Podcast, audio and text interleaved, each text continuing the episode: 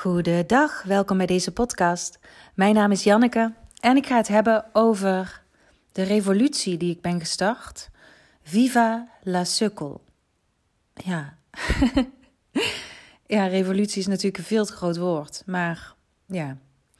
Er is geen revolutiepolitie, dus uh, hè? wie doet me wat? Viva la sukkel. Ja, ik hou van de mens. Ik hou van de mens en ik denk dat als je een fantastisch leven wil, dat het belangrijk is dat je van mensen gaat houden. En je kunt alleen echt van mensen houden als je alle oordelen die je hebt aangeleerd van je af weet te werpen. Op wat voor manier dan ook. Duizend wegen naar Rome. En dat is voor mij waar Viva la Sukkel voor staat. De mens zien als sukkel. En dat bedoel ik op de allerliefste manier. Als een onschuldig wezen dat zijn uiterste best doet.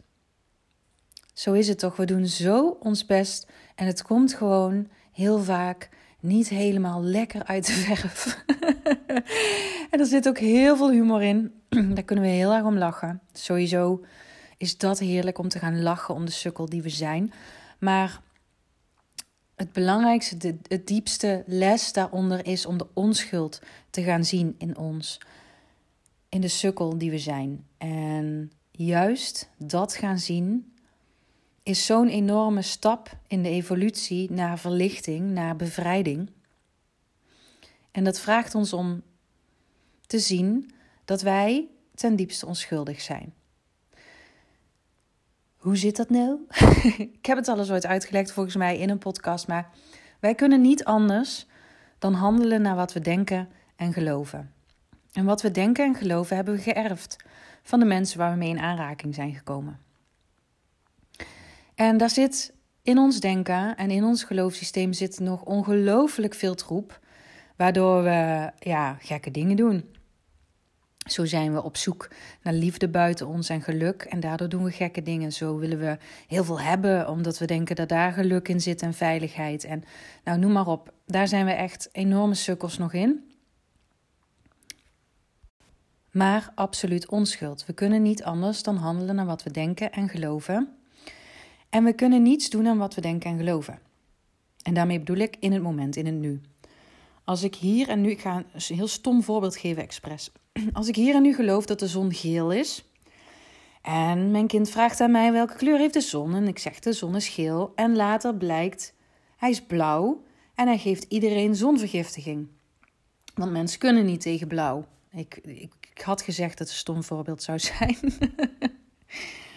Dan kun je niet zeggen: Janneke, jij bent schuldig. Jij hebt niet gezegd dat die zon blauw was doen we wel vaak. Hè? Wij mensen doen zelf, geven onszelf op de kop later om iets wat we helemaal niet hadden kunnen weten. Later geven we onszelf schuld om iets wat we in het moment totaal niet beter van wisten. Maar dat kun je dan niet zeggen. Je kunt niet zeggen, Janneke, jij bent schuldig. Jij had moeten zeggen tegen je kind, tegen de mensheid, dat de zon blauw was, want daar krijgen wij vergiftiging van. Dat gaat niet. In dat moment geloofde ik en dacht ik dat de zon geel was. En dat is dan het enige wat ik kan communiceren. En het is onschuldig dat ik dat dacht, want dat is mij altijd geleerd. Dus ik kan er ook niks aan doen dat ik dat geloof en denk.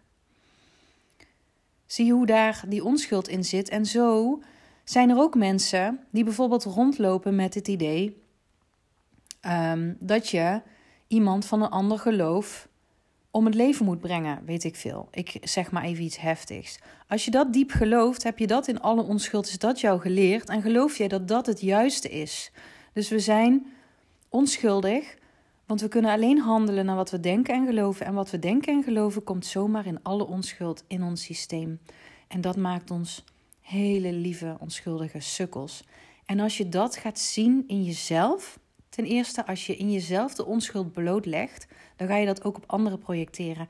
En dat maakt zoveel liefde vrij. Als je ziet dat mensen onschuldig zijn, dat ze niet anders kunnen doen dan ze doen. Kun je je voorstellen? Als je gewoon weet dat als iemand zijn middelvinger opsteekt, weet dat die persoon op dat moment helemaal overloopt en God weet wat allemaal gelooft over zijn leven, waardoor hij denkt dat hij op dat moment zichzelf moet beschermen en aangevallen wordt en noem maar op, dan kan hij niet anders doen dan dat hij doet in dat moment. Zo onschuldig. En dat begint dus allemaal bij jezelf. Om te gaan zien dat je zelf een onschuldige sukkel bent. Om daar liefde voor te gaan voelen. Dus om het niet te gaan veroordelen. Want als je dan, je kunt heel makkelijk zeggen, ja, we geloven allemaal hele lelijke, slechte dingen die niet in lijn zijn met de natuur. Nou, geloven dat jij perfect moet geloven en denken, is wederom een gedachte die niet in lijn is met de natuur. Het is nu wat het is. En hoe meer je liefde gaat geven aan wat is, hoe meer liefde vrij kan komen. Dus het ego zal zeggen: ik moet de sukkel zweepslagen geven zodat hij beter wordt. En dan wordt het leven liefdevol en vredig. En als ik hem zo hardop zeg, dan hoor je de contradictie. Liefde is het antwoord voor liefde. Vrede is het antwoord voor vrede. En dat begint bij houden van wat is. Houden van de sukkel in jezelf. En als je volledig kan houden van de sukkel die je zelf bent en zelfkennis hebt, weet dat je een sukkel bent, dan kun je ook van alle andere sukkels gaan houden. En dat is een prachtig leven. Dan valt angst weg. Dan valt schuld weg. Dan valt schaamte weg. Ook hoge pieken vallen weg. Ook uh, heftige trots valt weg. Daar komt zachte dankbaarheid voor in plaats. Want wat is er om trots op te zijn als iemand, bijvoorbeeld ambitie.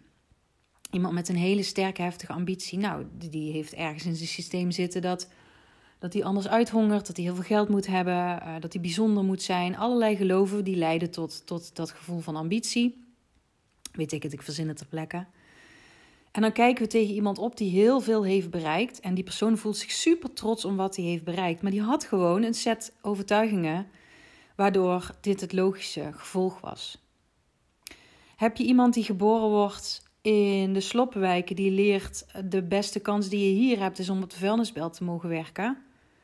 dan heb je een heel ander set overtuigingen en geloof. En alleen daar kun je naar handelen. En wat maakt die ene persoon beter dan die andere? Niets. Absoluut gelijkwaardig, absoluut totale onschuld, absolute prachtige uitingen van leven. En hoe meer we dat gaan zien, hoe meer we elkaar gaan liefhebben, hoe mooier het hier, als je het mij vraagt, op aarde kan worden. Hoe meer we liefde kunnen gaan leven, hoe minder het ikke, ikke, ikke wordt vanuit pure angst en hoe meer het wij wordt. Want uiteindelijk onder die laag van de sukkel zit bewustzijn, eenheid. Dat wat we allemaal zijn.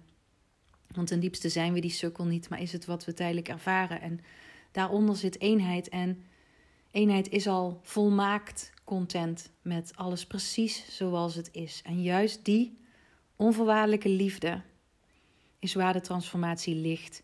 En daar dichtbij komen als mens kunnen we het doen door onder andere de sukkel te gaan ontdekken, te gaan omarmen, te gaan liefhebben, te gaan vieren.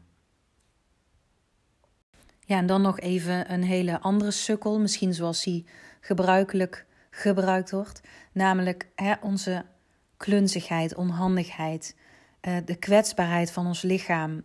als we onze teen stoten, man, dan, dan, dan willen we gewoon deuren verbranden. daarin, daarin zijn we ook een sukkel en ook zo hilarisch. Dus ja, ik heb dikke, vette liefde voor de sukkel. En ik heb er alle vertrouwen in dat als we gaan lachen om onszelf en onszelf gaan liefhebben, precies zoals we hier en nu verschijnen, dat we de wereld nog zoveel mooiere, fijnere, zachte plek kunnen maken voor onszelf. Ja, ik ben benieuwd hoe het voelt voor jou, dit verhaal en de sukkel omarmen. Misschien triggert het juist, omdat je enorm de overtuigingen hebt dat je jezelf moet verbeteren en moet ontwikkelen. En uh, dat, je, dat je met name handelt naar die gedachten. Ja, Laat me weten in DM als je wil wat je van deze revolutie vindt. ja, ik blijf erom lachen. En um, ja, dat was hem geloof ik voor nu. Ik heb er nog heel veel meer over te zeggen, maar het komt nog wel. Oké, fijne dag. Bye bye.